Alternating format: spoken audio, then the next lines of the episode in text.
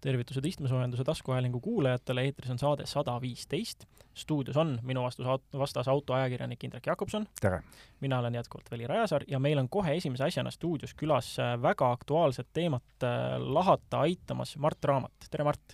tervist! Äh, räägi meile kohe siis kuulajatele kohe eriti, et kes sa oled, kust sa tuled ja miks me sind kuulama peaks? Kõige raskemad küsimused kohe alguses. Äh, Mart Raamat, nagu juba kuulajad kuulsid, äh, äh, olen siin loomulikult kõige aktuaalsema, ütleme maailma ühe kõige aktuaalsema teemaga, ehk siis kütusehinnad, nimelt olen õliühingu tegevjuht viimased kaks pool aastat olnud. ja enne seda olin, olin natukene teise äh, valdkonna peal, kuigi noh, väga sama valdkond, olin, töötasin Keskkonnaministeeriumis äh, energeetika teemadel, ehk siis olen siin pikalt juba energeetika, kliima ja kogu, kogu selle maailmaga kursis olnud ja nüüd viimased kaks aastat siis äh, süvitsi läinud siis sellesse toredasse kütuse- ja naftamaailma. ühesõnaga, lootust on, et äh, vahel on meil stuudios keegi, kes teab, mida ta räägib loomulikult ei ole seda lootust, et äh, naftamaailm on just alati selline, et siin võib ainult ainult, ainult oletada ja kõik läheb hoopis täpselt teistpidi, nagu, nagu sa, nagu sa oletad, et, et ma tahaks näha ühte naftaeksperti, kes teab, millest ta räägib. aga õliühing, millega õliühing siis täpsemalt tegeleb, sa mainisid ennustamist, kas, kas te ainult ennustate või mida täpsemalt? õliühing õnneks ei ennusta, et selleks on, selleks on teised inimesed, õliühing äh, ühendab siis Eesti kütuseettevõtteid Äh, kütuse maaletoojaid, äh, meil on kümme liiget, suuremad jaeketid, äh, suuremad maaletoojad, terminalid ja, ja, ja noh, mis see meie eesmärk on, meie eesmärk on siis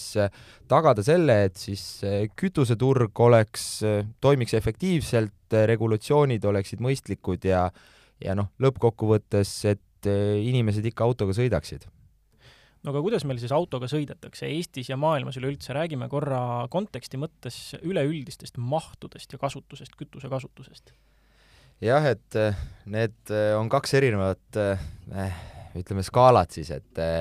et maailmas, maailmas tarbitakse naftat ikka kõvasti, me elame ikkagi väga selgelt nafta, naftaajastul ja, ja iga päev siis pumbatakse välja kuskil selline sada miljonit barrelit, noh, sada miljonit tünni kunagisest, kunagisest ajast jäänud selline ühik, millega naftaturu mahtu mõõdetakse. palju barrel on siis? barrel on sada viiskümmend üheksa liitrit, ehk siis kokku on, on maailmas iga aasta äh, pumbatakse välja siis viis, iga päev pumbatakse välja viisteist koma kolm miljonit miljardit liitrit, jah. Ja, ja, ma kunagi arvutasin kokku ka, et aastas on see neli ja pool võrdsjärvetäit äh, naftat, ehk siis see kogus on, on päris meeletu. ja noh, Eesti oma mikroskoopilise tarbimisega on ikka, on ikka hoopis teine, teine skaala, et Eestis on selline aastane tarbimine on kuskil üks koma kaks, üks koma kolm miljardit äh, liitrit siis äh, diislit, diislikütust ja bensiini oot, ehk siis ühesõnaga päevas pumbatakse maailmas viisteist miljardit Eesti tarbib aastas üks koma viis miljardit. see laias laastus tähendab, et siis ähm, Eesti on maailmas tarbimiselt või vastutab maailma aastases tarbimises ühe osa eest kolme tuhande kuuesaja viiekümnest ühikust, ütles äh, matemaatika, mille ma kaadriväliselt kähku üle kontrollisin Äh, kas selle põhjal võib siis öelda, et me, eestlased, oleme ikka tegelikult nagu ütleme, säästlik rahvas ja kõik need siin heitme vähendamised ja muud sellised asjad, et kas, kas, kas Eesti peaks kuidagi sellest nagu ütleme, kas me saame kuidagi öelda, et jätke meid sellest kõrvale, me oleme niigi säästlikud? no Eesti on tõesti väga väike osa kogu sellest maailma naftatarbimisest, no maailma üldse energeetika tarbimisest, aga, aga noh, ütleme, et ega meid on ka vähe. Ja aga samas meil on suur, suhteliselt suur äh, maa-ala, mida me peame siis äh, kasutama.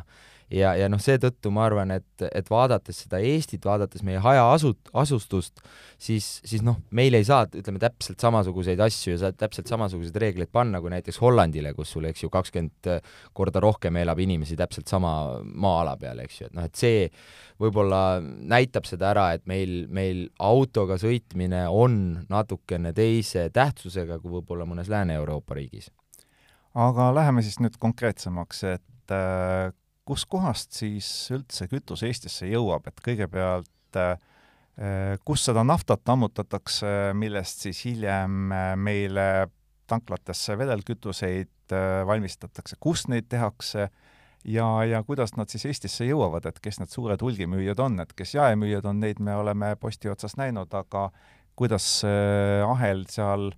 jaemüüjani jõuab? No Eesti ajalooliselt meil on siin, meie regioonis on, on, on ütleme, kaks äh, riiki, kes, kes siis Baltikumi varustavad, et et Nõukogude ajast alates on, on suur nafta rafineerimistehas Leedus Mažeikais, mis on siis viimased ju vist üle kümne aasta kindlasti Poola riigifirma BNK Orleni oma. ja sealt tuleb siis valdav osa Eh, sellest rafineerimistehasest tuleb valdav osa Eestis tarbitud autokütustest ja siis mi-, ja osa tuleb ka siis Neste Soome tehastest, Porvoost, eh, kes samuti tarmi-, tarbib, tarnib meile siis osa kütust. kus see, mida nemad kasutavad siis öö, eh, oma toorainena, noh, seda teavad loomulikult täpselt öö, need ettevõtted noh, kindlasti senini on olnud seal suur osa, puhtalt juba logistiliselt on loogiline, et suur osa sellest on seni olnud eh, Venemaa nafta. ja, ja, ja noh, loomulikult nüüd viimaste nädalate arengute tõttu siis mõlemad eh, tehased on öelnud, et nemad Vene naftat enam ei tarbi enam ei tarni siis kütuseid, mis sisaldavad äh, Vene naftat, et äh, otsitakse uusi tarneallikaid õnneks on nafta nii globaalne kaup, et, äh, et võib leida tegelikult nii Saudi Araabiast, Põhjamerest kui ka igalt poolt mujalt siis neid uusi tarneallikaid. et jah, et kui ma juhtusin lugema sotsiaalmeediast, et et äh, üks inimene kirjutas väga tõsiseltvõetavalt, et tema pärast Ukraina sõja algust kohe lihtsalt loobus auto kasutamisest, et mitte toetada Venemaad, et kui tõsiseltvõetav selline info on või kas see üldse teoreetiliselt on võimalik äh, rääkida, et jah, see bensiin, mida ma nüüd oma auto paaki kallan tanklas ja siinsamas Eestis, et see nüüd kindlasti tuleb Venemaalt, või pigem on siin hoopis suurem šanss lüüa meie kaubanduspartnereid lääne poole? No ütleme niimoodi, et ajalooliselt ikkagi seni, kuni suhted olid niivõrd-kuivõrd normaalsed, siis ja mingisuguseid sanktsioone ei olnud, siis eh, ikkagi nagu päris eh, arvestatav osa ilmselt toor eh, kütusest pärines Vene Uralsite, Uralsite naftast, kindlasti mitte kõik, aga, aga ikkagi teatav osa või noh, enamus osast noh, küsimus on ikkagi selles, et, et kõik need tehingud on juba tehtud, et sisuliselt see raha on juba Venemaale jõudnud, et et, et enam eh, kuidas siis öeldagi, enam, et, et nüüd autost loobuda, siis, siis midagi sellest ei muutu, et nüüd tulevikus kõigi eelduste kohaselt me ikkagi enam Venemaale äh, siis seda või Putini sõjakirstu me ei täida enam. Äh, siit äh, vaheküsimus, et äh, kuna sa mainisid, et kokkulepped on tehtud, kõik on ostetud, kui pika aja peale tavaliselt need kokkulepped, ütleme, tehakse, et kui nüüd inimene otsustab, nagu see inimene seal sotsiaalmeedias, et ma lõpetan auto kasutamise, millal siis on realistlik, et need nii-öelda kokkulepped aeguvad ja tema saab nüüd öelda, käega vastu rinda taguda, öelda, et päriselt on ka sellest nüüd kasu? Seda, see on kindlasti niivõrd äh, firmaspetsiifiline, et seda tegelikult ei tea, et noh, kui me vaatame, et siin äh, Suurbritannia äh, lubas ain-, alles aasta lõpuks tegelikult loobuda Vene naftatoodete äh, naftatoodete tarbimisest, noh siis see võib-olla annab mingisuguse sellise arusaama, et, et noh, missugused need lepingud äh, tegelikult on, eks ju. aga, aga noh, loomulikult äh, ei ole teada, et et äh, kuidas need täpselt siis äh, ettevõteti erinevad, lihtsalt teada on seda, et mõlemad, ütleme, meil on nagu, meie rafineerimistehastel, mis meid teenindavad, on, on natuke nagu teine olukord kui, kui ütleme, Kesk-Euroopa tehastel, mis saavad otse toru kaudu Venemaalt naftat, sellepärast et noh, seal ei olegi võimalik alternatiivseid tarneallikaid kiirelt leida. Meie mõlemad tehased, nii Mažeikas kui, kui Porvos, on tegelikult äh, normaalsituatsioonis ka meritsi nii-öelda teenindatavad ehk siis seal on logistiliselt võimalik suhteliselt kiiresti need, need ära lahendada ja, ja noh, näiteks noh, Neste on teada-tuntud globaalse haardega ettevõte ja, ja samas ka BNK Orleni üks siis uuemaid osanikke on Saudi Aramco, neil on koostööleping sõlmitud, seega, seega noh, juba, juba puhtalt äh, nii-öelda ärisidemeid arvestades võiks äh, see tarneallika vahe, vahetamine suhteliselt lihtne olla. kusjuures vist alles eilne uudis, et Saudi Aramco tõstab investeeringuid, et, et hakata tootma erinevaid naftasaadi just selleks, et katta seda vajadust, mis Venemaa naftast loodumi-, loobumine põhjustab, on ju. aga mida see mida see üleüldse, üleüldse veel meile hinnas võib tähendada, et no me oleme näinud, mida kütuse hinnad posti otsas muudkui teevad üles-alla, on ju, kuidas, kuidas see kütuse hind üldsegi kujuneb, sellest siin Indrek küsis, et kuidas see kütus meile jõuab, kust ta jõuab, aga kuidas ta kujuneb? no kütuse hinnal on, ütleme niimoodi, et üks nagu, nagu see sõna või vanasõna on, et üks on maailmas kindel surm ja maksud, eks ju, et äh, maksud on kindlasti arvestatav osa kütuse hinnast, et Eestis äh, Eestis diislikütuse aktsiis moodustab siis kolmkümmend seitse koma kaks senti liitri hinnast, lisaks sinna käibemaks otsa, eh, mootoribensiinil on see viiskümmend kuus koma kolm senti ja lisaks käibemaks, et noh, see on selline asi, mis nagu on ja jääb, kui just valitsus teistmoodi ei otsusta. Eh, ja siis teine osa ongi see toote omahind, eks ju, see toote omahind ongi see, mis on muutunud ja mis on kõikunud nagu väga suures mahus, et et äh, kui, kui väga lihtne on vaadata, ma ei tea, kuskilt Bloombergist vaadata Brenti toornafta kõikumist ja, ja siis vaadata, et et noh, et ei ole ju nii palju tõusnud, nagu võiks äh, tanklas arvata, siis, siis noh, tegelikult need turud ei ole täpselt samasugused. Et äh, viimase siin kolme nädalaga ongi selline väga,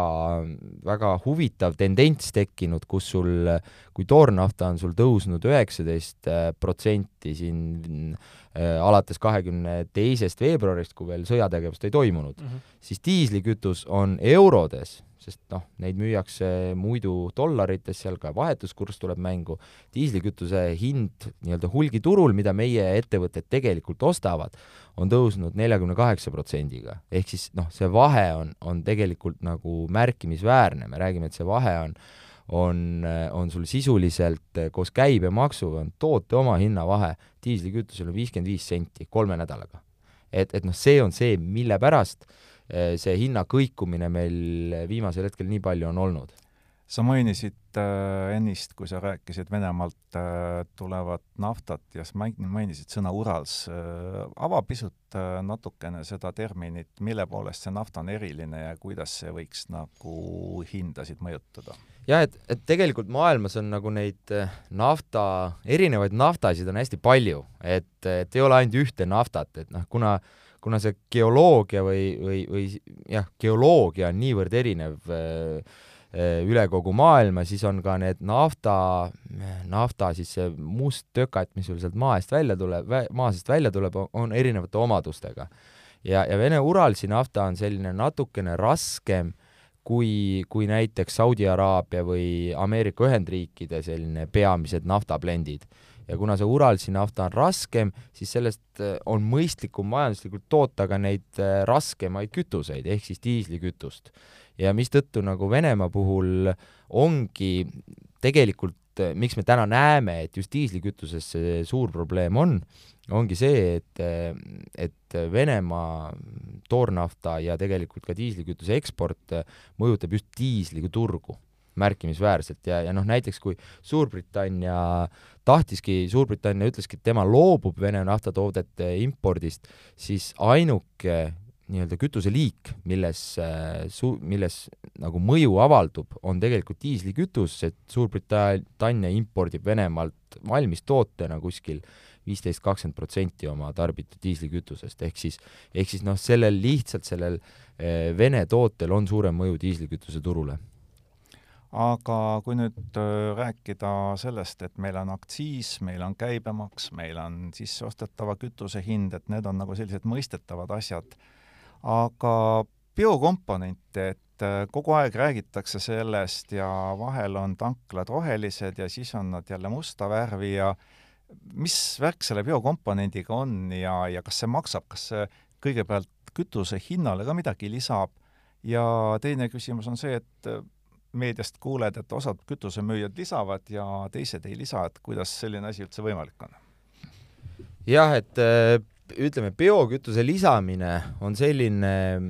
siis nii-öelda meie üks rohepoliitika osa, et, et tegelikult see kütus, kuna sisuliselt on ikkagi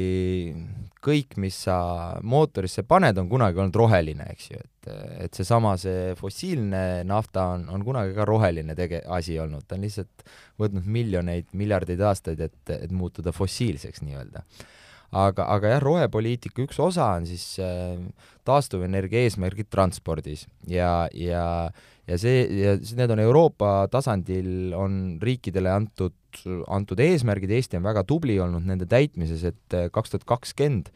kui oli esimene aasta, mil pidi neid täitma, Eesti oli Euroopas viies mm, ja me täitsime isegi rohkem, kui me pidime täitma. Et, et kümme protsenti oli eesmärk transpordi äh,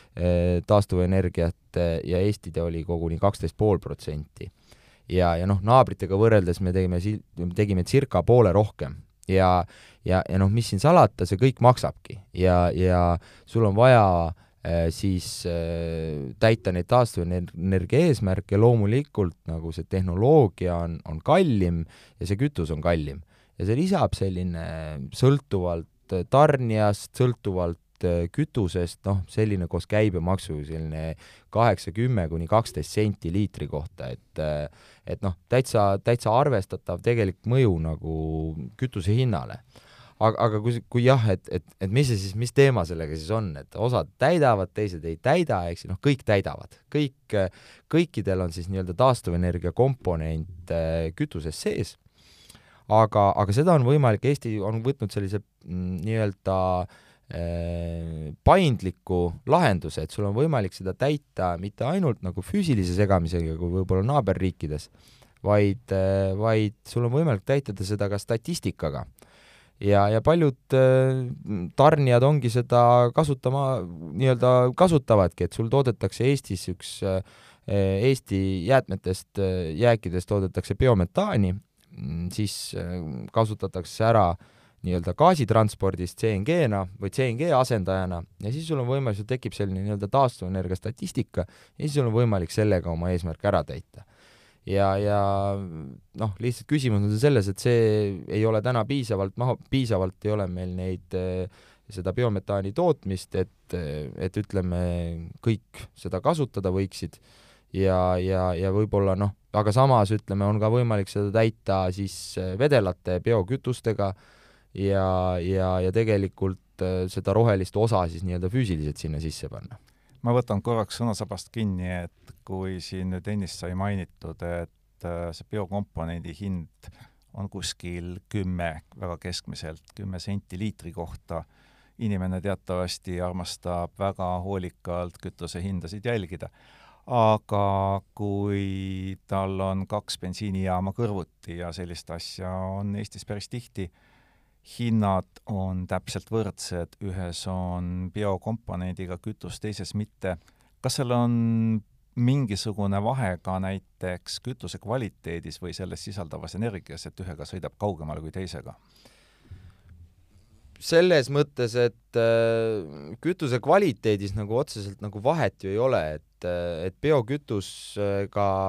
biokütusega siis nii-öelda kütus täidab täpselt samu kvaliteedinorme mis siis äh, täisfossiilne kütus ja, ja, ja seetõttu noh, seal tegelikult mingit, mingit sisulist, äh, mingit sisulist vahet nagu olla ei saa, aga jah, ütleme siis üks, üks tankla äh, täidab seda kohustust teistmoodi läbi siis nii-öelda statistika. et aga, aga noh, põhimõtteliselt tarbija nagu äh, noh, meil tihti hirmutatakse, et oi, et biokomponendiga tekivad mingisugused kvaliteediprobleemid, noh, no tegelikult see nii ei ole mitte kuskil mujal. Äh, Euroopas äh, sellist äh, probleemi ja muret ei ole, isegi, isegi naabrite lätlaste, leedukate juures sellist muret ei ole, nagu meil on. ja, ja noh, meie kõik need, kõik sajad proovid, mis meil võetakse tanklast, noh, meil on, kütus on, on kvaliteetne, ütleme siin võib-olla äh, ma ei tea, null koma null kaks protsenti on, on neid, neid kütuseproove, kus sul siis ei vasta see kütus kvaliteedile, noh see tõesti, see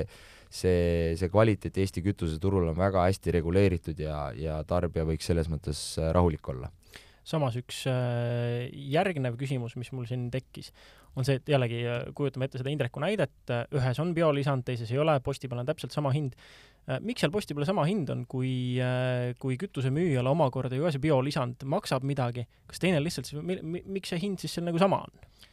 no mõlemal puhul ikkagi maksab midagi, et noh, selles mõttes, et see, see, kui keegi teeb investeeringu, ütleme, biometaani tootmisesse selle eeldusega, et ta saab sellega täita oma, oma siis kohustust, siis noh, see, see hind peab ka, keegi peab selle ka tagasi teenima, et noh, selles mõttes ta mõlemal puhul on, on ikkagi maksumusega. Aga, aga, aga miks see hind on, ütleme niimoodi, meie tarbija on lihtsalt väga ja väga hinnatundlik ja, ja seda nagu räägivad kõik, võivad kõik kütusemüüjad rääkida, et noh, sisuliselt äh, kõik käib kõige madalama pakkuja järgi ja tarbija läheb sinna, kus on see kõige madalam hind, seetõttu nagu see hind ei saagi lihtsalt erineda, sest muidu sa kaotad need äh, liitrid ja kliendid ära aga võtame siis äh, meie igasuguste erinevate teoreetikute lemmikteema, et kartelli kokkulepe, et muudkui räägitakse, et ei ole, ei ole, samas on see, et sa nagu näed, et hommikul postide otsa tekivad igale poole täpselt samad hinnad. kas, äh, ja noh, tihti on äh, saatnud igasugused huvitavad vabandused, et miks see nii juhtub, viimasel ajal on räägitud sellest, jah, ongi, et konkurents määrab ju ka hinna, on ju. et kas ongi siis see, et hommikul kõik vaatavad üle, mida konkurent pakub ja siis match ivad? Või kuidas see täpselt käib, et see nii nagu orkestreeritud on? no ütleme niimoodi, et äh, et see, see hinna, ütleme, see hinna kujunemine on praegu suure tähelepanu all igal pool, kogu maailmas ja, ja noh, siin ei ole Eesti eh, kuidagi eriline, et eh, täpselt sama juttu räägitakse sul USA-st Saksamaani, eks ju, et, et noh, täpselt samad küsimused on kõigil eh,. noh, meie puhul äh, nii palju kui vaadata, siis see päris nagu nii ei ole, et üks tõstab ja kõik tõstavad järgi, et, et tegelikult on, on päris palju sellist just viimasel ajal, et tõsteta üks kett tõstab, siis teised järgi ei tule, siis ta on sunnitud natukene langetama, siis tulevad võib-olla teised järgi, eks ju, et noh, et et, et kõik see olegi nagu konkurents, et noh, et eks see ole ka samamoodi nagu, nagu äri, nagu sul on kohvimüük või või, või pitsa tegemine, eks ju, noh, kõik, noh, kõik ta, kõik kapitalistlikus ühiskonnas ikkagi üritavad äh, raha teenida ja äri teha ja, ja noh, selles mõttes äh, aga, aga noh, selles mõttes, et see, see turg käib ikkagi selle järgi, et kes kõige, kes kõige nii-öelda odavamalt saab pakkuda. Ja, ja, ja selle tõttu, et noh, et osadel on, osadel, kellel on kallim omahind, noh, see võib ka sõltuda väga paljudest erinevatest asjadest, kuna on erinevad tarnelepingud, eks ju, erinevad läbimüügid, erinevad ajad, millal need eh, kütusepartiid sisse on ostetud, eks ju, siis, eh, siis eh, osadel võibki mingi hetk väga valus olla, aga, aga nad ei saa seda kõrgemaks tõsta, sellepärast et lihtsalt siis tarbija ei leia neid enam ülesse selge, aga räägime nüüd sellisest päevakajalisel teemal, millest küll nagu rääkida ei tahaks, aga Ukrainas toimub sõda ja öö, äh, olen kuulnud ja lugenud, et peaaegu kõik Euroopa riigid on selle valguses ümber vaatamas oma kütusepoliitikat, eriti mis puudutab kütuseaktsiisi, aga ka biokomponenti, ja küsin nüüd, et mida on Eesti tegemas, mida Eesti võiks teha, mida Eesti saaks teha ja kui Eesti midagi teeks, et mis oleks siis selle sammu mõjud majandusele, maksulaekumisele ja kütusehindadele? jah, et, et tõesti samad äh, mured, mis meil täna on, ongi ja ongi kogu maailmas ja, ja, ja noh, mitte ainult isegi Euroopas, USA-s, vaid, vaid samamoodi Indiast, Aafrikast, Aafrikani vaat-, vaadatakse üle kütusemakse, sest noh, see mõjub valusalt ja, ja noh, ma ei tea, kurb asi ongi selles, et, et võib-olla ei olegi väga palju teha, et et e-, isegi Euroopas on natuke rohkem kui mujal, sest meil on see maksukomponent on, on päris suur. Ja, ja Euroopa Liidu liikmesriigid nagu Rootsist Belgiani, viimane uudis Hispaania, Prantsusmaa, Portugal, noh, kõik tulevad oma maksu, maksudega allapoole, et tarbija liiga palju pihta ei saaks meil on, ütleme, sisuliselt valitsusel on, on valik, et et kui me tahame nagu eratarbijat aidata, noh, palju ta mõjutab üldiselt majandusarengut äh, või mitte, me, eratarbija enamasti tarbib meil bensiini, äh, siis noh, bensiin, mootori bensiini puhul on küll nagu võimalik meil märgatavalt vähendada nagu aktsiisi, et meil on, aktsiis on kakskümmend senti üle selle, mida võimaldaks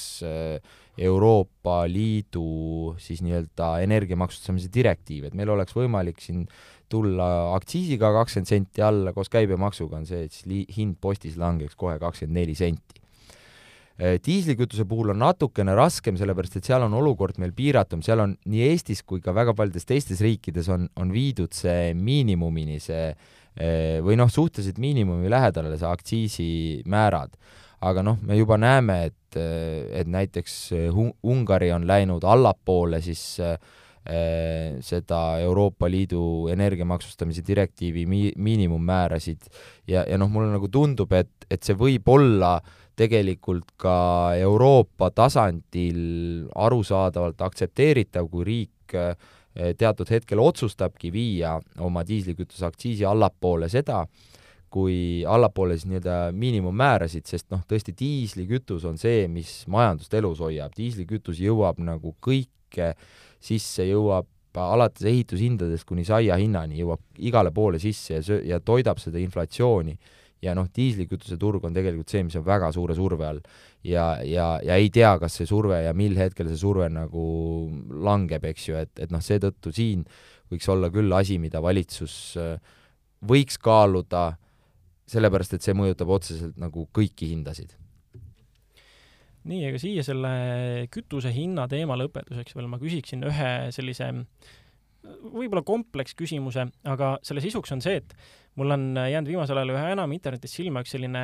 demagoogia maiguga võrdlus just kütusehindade osas. noh, sa nimetasid meile, mis seal koosneb, kõik on,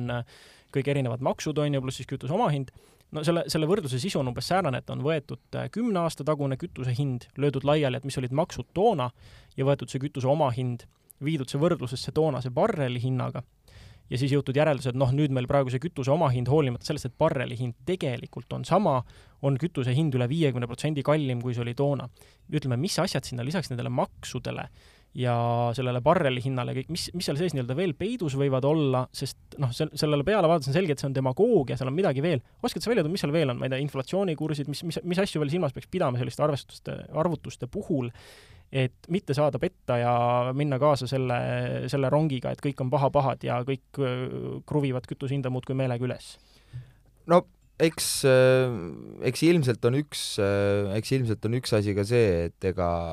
ega, ega me oleme, meie elatustase on tõusnud ja, ja elatustase on tõusnud, noh loomulikult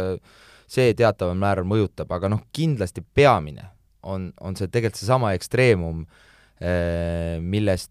millest ma põhimõtteliselt alustasin, et, äh, et me tegelikult näeme, et viimase kolme nädalaga on täiesti paigast ära läinud see naftabarreli hind ja siis see hind, mis sa lõpptoote eest maksad turul. ja, ja noh, tegelikult ilmselt see on nagu selline peamine põhjus, et, et kõik nagu näevad naftabarrelit, eks ju, aga noh, ega keegi, ma ütlen, ega keegi ei tea seda, et et Äh, et sul, et sul sisuliselt kolme nädalaga, ma ütlen, et on äh, naftabarreli hind või ütleme siis diislikütuse maailmaturu hind on tõusnud kaks pool korda rohkem kui Brenti toornafta. ja noh, see on selline pe-, üks peamiseid asju.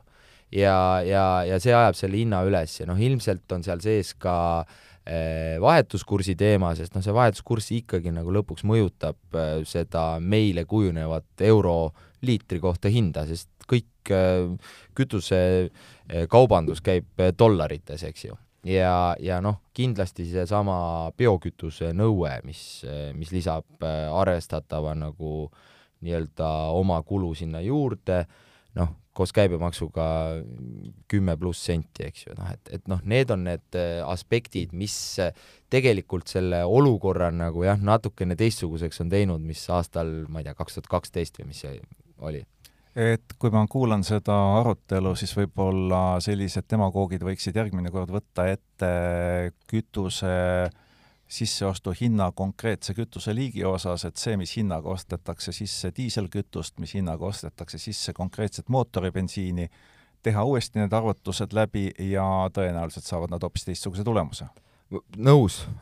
lihtsalt see see on natukene keeruline turg, see, mm, need, need andmed ei ole nii lihtsalt kättesaadavad, kui sul naftabarrelid, tõesti, seda võid guugeldades leida Brent historical price ja saad aastast seitsekümmend, eks ju, seda. et, et kahjuks need diislikütuse hinnad, mootoribensiini sisseostuhinnad, noh, need ei ole nii avatud ja kättesaadavad, et nende eest tuleb mitmeid tuhandeid eurosid sa-, maksta, et, et nendele ligi pääseks, et jah, kahjuks ja, ja kahjuks see lihtsalt tekitab sellise olukorra. aga, aga see on ka, ütleme, Eesti kütuseturu äh, käed on, on selles osas seotud, et, et et neid andmeid äh, saab ainult äh, siis tõesti nendelt ähm, äh, diisli ja, diislikütuse ja mootoribensiini hulgi, hulgimüüjatelt Euroopas, kes, kes seda turgu nii-öelda drive ivad aga võtame selle kütuse teema nüüd kokku ikkagi, mida me lõpetuseks teha saame, ikka ennustada. et äh, saame. kas, kas meil on ees ikkagi veel hullemad näguripäevad või mida see kütuse hind nüüd teha võib, arvestades, et kõik tahavad sealt Venemaa nisa otsast ära saada, vahetada selle millegi muu vastu välja, kas see tähendab meile alguses mingit hinnahüpet ja siis kõik normaliseerub või milleks me peaksime valmis olema eeldusel, et, äh, et varem või hiljem ikkagi saabub äh, Ukrainas rahu? no ütleme nii, et täna on kõigil valus, täna ei ole ainult Eesti tarbijal valus, täna on tarbijal USA-s valus, seal on rekordhinnad, täna on äh, plastitehasel Hiinas valus, seal on rekordhinnad, seal pannakse tootmist kinni. Ja, ja varsti on ka valus äh, naftatootjatel. Ja naftatootjad peavad sellele reageerima. ja, ja tegelikult äh, noh, OPEC-i käes on võtmed täna OPEC-i suurte naftatootjate käes on võtmed tegelikult seda pakkumist suurendada, aga, aga ma ütlen, et eks nad ole äraootaval seisukohal, et, et mis siin turust saab, et kas Euroopa kas Euroopa paneb Venemaale naftaembargo peale või ei pane, kuidas see mõjutab tegelikult neid naftavoogusid, nii edasi, nii edasi, et et noh, ma ei tahaks uskuda, et sel-, noh, selline hind nagu praegu isegi ei ole jätkusuutlik enam, noh, naftatootjad on ise öelnud, et seitsekümmend, kaheksakümmend dollar, dollarit barreli kohta on, on see hind, mis neile on nagu pikaajaliselt selline jätkusuutlik ja mõistlik. täna on see hind, eks ju, sada kaksteist kuni sada kakskümmend, eks ju, et see volatiilsus säilib, aga, aga noh, tahaks, tahaks loota, et mingi hetk eh, naftatootjad, Saudid, ja Araabia Ühendemiraadid, Iraak, ka Iraan tulevad täiendava pakkumisega turule. Ja siis äh, saab äh, mõnusalt hakata kevadet nautima, et et mul, mul sõbrad teevad nalja, et, et noh, nüüd peaks nüüd bensiini hind peaks alla minema, et sa,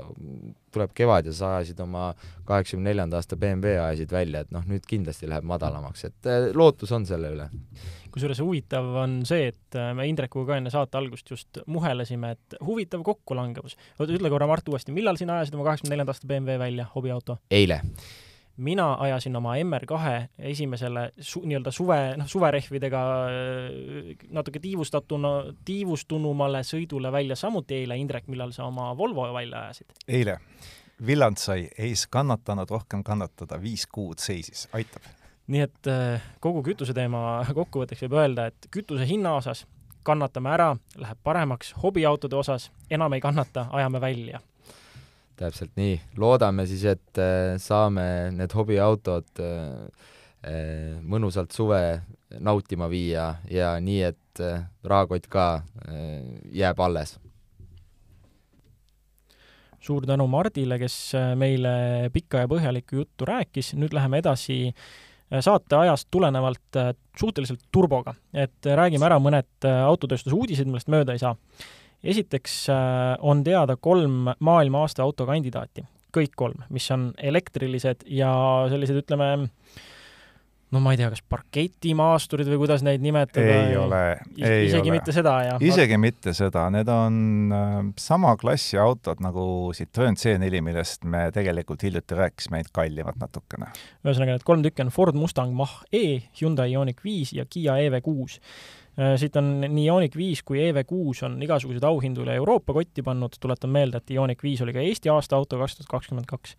et siin, äh, siin igasuguseid tiitleid on ja nad on jah, sellised ütleme, kõrged elektriautod, mis tundub, noh, tundubki olevat saamas standardiks, millest me oleme ka varem rääkinud, et natukene lihtsalt äh, kõrgema kerega, aga kui vaadata nende clearance'it, siis noh, mis, no mis maastur nad on. jaa, pluss jah, hiiglaslikud väljad üldiselt ja kõik ja. värgid. Äh, võitja saame teada kahe, kolmeteistkümnendal aprillil New Yorgi autoshow'l ja sinna on, noh, sellest ühesõnaga kindlasti tuleb juttu kiirelt veel turbouudiseid Äh, Porschest. nüüd äh, on spekuleeritud, olen ka Acceleristas varem kirjutanud, et äh, järgmise põlvkonna Cayman ja Boxster võivad tulla elektrilised, täiselektrilised, nüüd on see siis kinnitatud. ehk siis ähm, nende puhul üks eriline asi, mis tehakse, on see, et äh,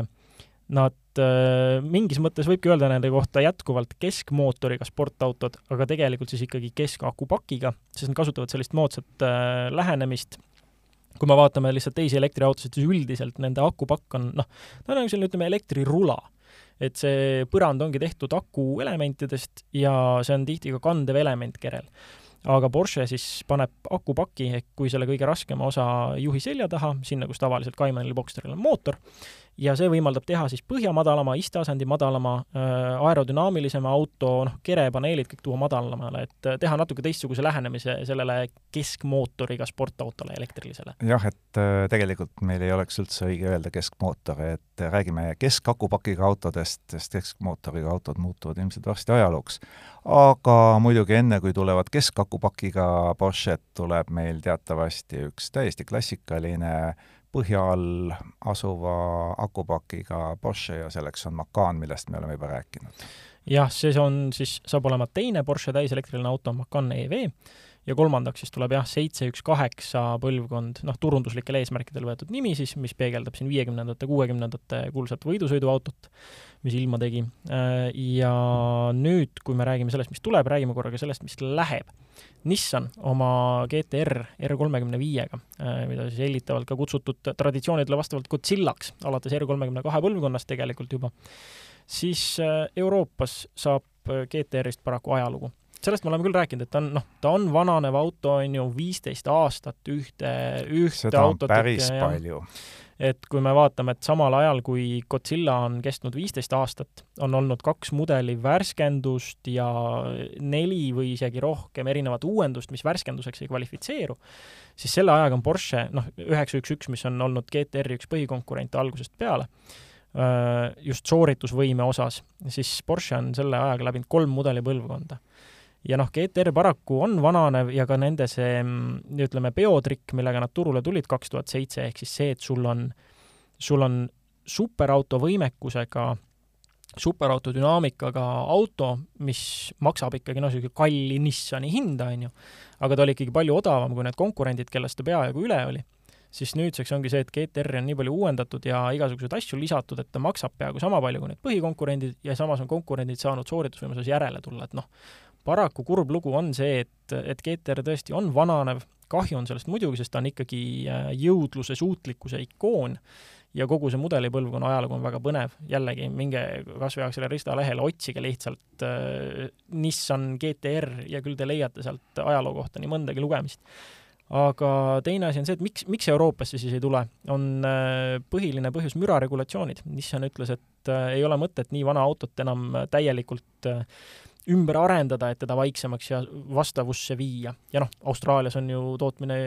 müük äh, lõpetatud juba mõni aeg tagasi. Austraalias toodi küll probleemiks hoopis turvalisuse, et äh, väidetavalt külg äh, kokkupõrkele ei vasta enam uusimatele ohutusnõuetele, et seetõttu tulevad need autod saata oma loomulikku teed, ehk siis äh, ajaloo prügikasti, kuna uut ei tule ja ilmselt ei ole ka mõistlik siis äh, hakata uut välja töötama, mis vastaks kõikidele nõudmistele, et ülirikastele jäävad ülikallid autod ikka veel edasi, aga nagu juba tõdesime eelmises saates, et taskukohaste superautodega läheb kogu aeg järjest kitsamaks. ja noh, Skyline või vabandust, siis GTR-i, Nissan GTR-i teoorias peaks olema arenduses kuues, ka uus R kolmkümmend kuus põlvkond, aga jällegi info on nii muutlik, vahepeal räägiti, et jaa, see tuleb ainult sisepõlemismootoriga, ei mingit hübriidi, ei mingit elektrit, aga no keegi ei tea seda juttu enam uskuda, asjad võivad niimoodi päevade lõikes juba muutuda kardinaalselt. aga räägime nüüd sellest, mis kindlasti tuleb, millest on juba nähtud, et äh, see sõidab ringi, on igast küljest näha ja see on Peugeot kas selle uuismudeli nim-, nimeks saab nüüd neli tuhat kaheksa või saab ta midagi muud, see on nüüd ainukene detail, aga üsna palju on sellest autost teada. Seda, et loodus tühja kohta ei salli, eks me oleme seda ju varem ka rääkinud, sest mäletatavasti tema eelkäijad toodeti kaks tuhat kaksteist kuni kaks tuhat seitseteist ja see ei olnud ju mitte midagi muud kui pisut ümber riietatud Nissan ASX ja noh, aeg on taastada nüüd neljas seeria nelja tuhande kaheksa näol ja meil on praegusel hetkel teada täiesti, kuidas see auto välja näeb, tüüpiline kupeemaastur, kindel konkurent siis Arcanale ennekõike, aga miks mitte ka Volkswagen Taigole või Citroen C4-le, kuigi neist jääb ilmselt kallimaks, et ta saab olema natukene kallim kui see Peugeot kolmsada kaheksa või, või Opel Astra, millele ta siis hakkab baseeruma, noh, nad kõik on ühel ja samal EMP2 platvormil. Mida me teame, hakatakse tootma samas tehases Prantsusmaal, kus kolmesada kaheksatki, ja ainuke, mida me veel ei tea, et kas siis nüüd Pariisi motoshow'l tänavu oktoobris see auto välja käiakse, aga noh, suure tõenäosusega, sest masin on üsna valmis, et ega seal nagu pikalt enam midagi ümber toetada ei ole. Spekuleeritakse, et Äh, tuleb kindlasti pistikhübriid, aga noh, ega seal kõik võimalused saavad olema seda, millesse, mida see platvorm lubab, nii et seal tehnilises mõttes revolutsiooni ei ole. kerekujunduses küll. Ja uudisterubriigi lõpetame Teslaga. Äh, nende Berliini gigatehas peaks nüüd saama ametlikult avatud homme, lint läbi lõigatud, kusjuures mul käis äh, täna juba uudistevoost läbi pilt esimestest Model X-idest, mis sealt tehasest olevat juba väljunud ja klientidele kätte, kätte antud, et mingi selline huvitav situatsioon, on see sulle ka ette jäänud? ei, mulle see ei ole ette jäänud, sellepärast et tehas ju tegelikult sai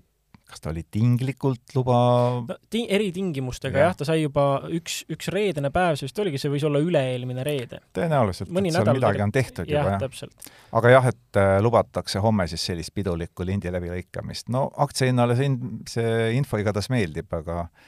loomulikult äh, Tesla tuhat veel ei näe. aga üks põnev fakt küll on Tesla kohta vahepeal välja kaevatud, mida me võiksime tegelikult ju kõik teada, aga keegi pole võib-olla seda varem välja öelnud, et Tesla on firma, mis kuulutab teadus-arendustegevuse peale nagu väga palju raha, et see ei ole mingi uudis. aga vähesed on selle peale mõelnud, et Teslal on turunduseelarve ümmargune null. Tesla on börsiettevõte, Tesla raporteerib oma majandustulemusi ja seal tõepoolest vaatab vastu olukord, kus Teslal puudub turundus, puuduvad turunduskulud. noh, tegelikult äh, Tesla ise ütleb, et äh, neil on olemas täpselt kaks äh, turunduskanalit, üks on suust suhu turundus, see pidi kõige paremini töötama ja Twitteri konto pidi ka täitsa tasuta käes olema ja see on ju tegelikult põhiline, mille kaudu Elon Musk maailma informeerib kõikidest oma geniaalsetest plaanidest. altruistlik temast, et ta ei võta selle eest mingisugust raha, et ta sinna Twitterisse reklaamijuttu postitab. Väga lihtne oleks sealt ju kasseerida midagi veel omakorda juurde. jah, aga see on tasuta ja miks mitte siis ilusat nulli näidata oma turunduseelarvel. aga lõpetame tänase saate proovisõiduautode jutuga küll, aga lühidalt, sellepärast et meil ei ole uued proovisõiduautod, vaid juba eelnevalt vihjatud ähm, üle pika aja garaažist välja aetud hobiautod. minul siis oma MR2 Spider ja Indrekul oma Volvo üheksasada kuuskümmend. Kuidas siis on jälle oma vanakene, vanakesele eluvaim sisse puhuda? üllatavalt mõnus, äh, sellepärast et üks asi on see tunne, mida sa ei ole tundnud täpselt viis kuud, aga mis mind äh, selle asja juures kõige rohkem üllatas, on see, et äh, auto käivitus nii, nagu ma oleks ta täpselt nädal või päev tagasi seisma jätnud. et viie kuu jooksul ma ei teinud temaga mitte midagi muud, kui ainult laadisin akut. tõsi, tegin seda üsna tihti, kasutasin nutilaadijat, soovitan absoluutselt kõigile, sest see teeb tänapäeval elu võrratult mugavamaks ja kui ma meenutan neid omaaegseid soovitusi, et äh, talvel ikka iga kuu või iga kahe nädala tagant äh, autot käivitada, siis äh, noh, sellel ei ole lihtsalt mitte mingisugust mõtet, esiteks see ei anna mitte midagi juurde, ja teiseks on see isegi kahjulik, sest ega sul on õli, see, mis sinna autosse on pandud, sinna mootorisse, see õli muutub nende käivitamisega ainult happeliseks, mootor ei jõua korralikult äh, isegi soojaks minna, mida sa seal talvel teed garaažis. et selles mõttes, kui sul ei ole vaja autot käivitada, siis ära teda talvel käivita, vaid käivita teda siis, kui sa temaga sõitma lähed ja sa ei kaota sellega mitte midagi, auto ütleb sulle ainult aitäh ja noh, mina oma hobiauto kohta ka kähku paraku ei suutnud ma ka vastu panna, nagu ma eile ei suutnud vastu panna sellele esimesele sõidule, ei suutnud ma ka tegelikult panna talvel vastu sellele, et visata oma parklanarri Corolla alt suvalised naastud ikkagi MR2 alla ja temaga esimesed talvesõidud ja jää, lumeraja tiirud ära teha, et oli ikkagi vaja see ka ära proovida, mitmetel põhjustel. aga noh, see on, kuna selle autoga on lihtsalt nii palju tehtud, olen, olen temaga ette võtnud jälle erinevaid asju, mille peamiseks ühisnimetajaks on ikkagi massi langetamine Äh, kuna tegu on äh, raja- ja suveautoga peamiselt, siis oli vaja mingisuguseid lahendusi ka talvel katsetada ja noh, lihtsalt õppida autot rohkem käppa. et äh, minul jah, oli täpselt see, et mul oli asja teda talvel käivitada, et siis ma ka sõitsin temaga natukene täitsa igapäevaselt ja noh, mõtlesin küll, et jah, et sool ja kõik asjad ja nii paha-paha, aga siinkohal tuleb jälle meelde tuletada, et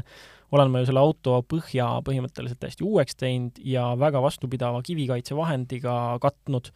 Raptoriga, et siis ma mõtlesingi lõppkokkuvõttes, et noh, see oligi see, see koht, kus nagu filosoofia paika loksus. et üks asi on see, et sa ehitad seda hobiautot, hoiad seda iga hinna eest ja soolaaurugi sisse ei lase, ja teine on see, et paganas, ma ostsin selle auto tegelikult ju selleks, et temaga sõita, ma ostsin ta enda autoks, ma olen ta teinud selliseks äh, Frankensteini koletiseks, et keegi teine seda minult tõenäoliselt osta ei tahaks, kellel ei ole just täpselt ka nagu rajamõtteid. et mingisuguseid mugavusi seal enam alles ei ole, ma ostsin ta endale sõitmiseks iga asi saab kunagi otsa, no siis tuleb teda ka ikkagi tarbida, vahet pole, kui ta talvel seda soola natuke näeb. pärast pesin ta ilusti puhtaks, kui ma ta uuesti mõneks ajaks hoidu panin ja viskasin need suvekad alla ja ei, ei olnud seal hullu midagi, vaatasin põhja üle ja tegelikult ei ole midagi. ja noh, kogu see põhja jutt on, on väga hea koht, et äh, siin vihjata, et meie järgmine saade, mis nüüd veel selle nädala jooksul eetrisse tuleb, äärmisel juhul järgmise nädala alguses, äh, puudutabki just korrosioonitõrjet, roostekaitset, korrosioonikaitset, kuidas iganes seda kõike nimetada, eks sellest meile siis räägitakse selles saates juba lähemalt. seniks aga järgmise korrani ja aitäh, et kuulasite! Kuulmiseni!